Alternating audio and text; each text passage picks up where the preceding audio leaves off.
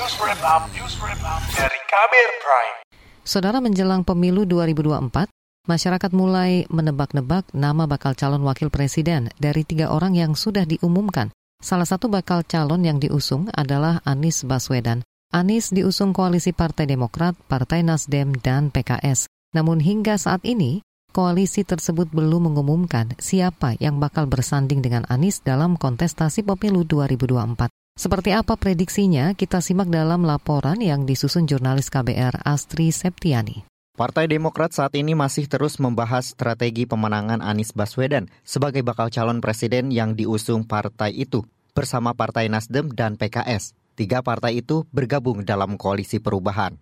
Koordinator juru bicara Partai Demokrat, Herzaki Mahendra Putra menyebut strategi itu termasuk mencari momentum pengumuman bakal calon wakil presiden kontestasi kita bakal sama Ganjar nih dan kemungkinan juga dengan Pak Prabowo kan gitu. Ya kami udah maju ke depan, udah lebih mendahului ya, lebih mendahului dengan sudah punya koalisi, sudah punya capres duluan. Hmm. Ya, dan sudah bicara mengenai gagasan, ide dan konsep gitu. Bicara mengenai cawapres itu adalah bagian dari tak terpisahkan dalam membicarakan mengenai strategi kemenangan. Dan ini lagi-lagi pada waktunya akan kita sampaikan ke publik jika hmm. memang dirasa momennya sudah tepat. Herzaki Mahendra mengatakan, saat ini Ketua Umum Partai Demokrat Agus Harimurti Yudhoyono tengah safari ke berbagai daerah untuk mencari masukan nama sosok yang cocok mendampingi Anies. Sementara itu, Sekretaris Jenderal Partai Keadilan Sejahtera (PKS) Abu Bakar menyebut Ahmad Heriawan layak sebagai pendamping Anies Baswedan. Abu Bakar mengatakan partainya berkomitmen memenangkan Anies pada pemilihan presiden mendatang. Ia menyebut banyak nama yang pantas bersanding dengan Anies di Pilpres 2024. Namun menurut Abu Bakar, nama terkuat yang muncul adalah kader PKS Ahmad Heriawan. Dari beberapa nama itu ada mencuat satu nama itu Pak Heriawan kalau nama banyak, tapi yang muncul udah satu Meriawan. Tetapi kita lihat saja perjalanan ini kan berjalan dengan waktu, ya. Dengan udah adanya Pak Ganjar, nanti kita muncul lagi presiden satu lagi siapa, nah itu makin enak. Kita makin jelas peta politiknya.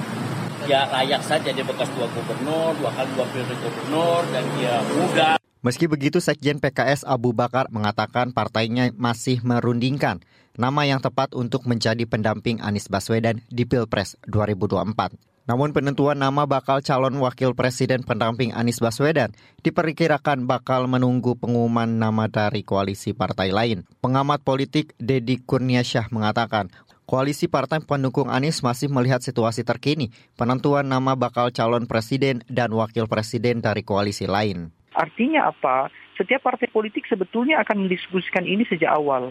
Anies, uh, Nasdem, Demokrat, PKS, hari-hari ini saya kira mereka sudah mendiskusikan itu. Bahkan andai pun mereka sudah menentukan pada tokoh sekalipun, sudah menyebut nama sekalipun, tetap saja tidak akan mengumumkan kepada uh, kepada publik dalam waktu dekat. Kenapa? Karena punya potensi perubahan terjadi di akhir-akhir masa uh, pendaftaran. Pengamat politik dari Indonesia Political Opinion, Dedi Kurniasya menambahkan, potensi dinamika bakal tersaji sejak dini jika pengumuman Capres Anies diumumkan sejak awal. Ia memperkirakan koalisi perubahan akan tetap mencermati pergerakan partai lain, sembari tetap mempersiapkan nama calon pendamping Anies. Sebelumnya nama yang kerap muncul dan digadang-gadang bakal mendampingi Anies yakni Ketua Umum Partai Demokrat Agus Harimurti Yudhoyono hingga politisi PKS Ahmad Heriawan. Bulan lalu, Lembaga Survei Indonesia LSI merilis elektabilitas tokoh dalam bursa calon wakil presiden terbaru.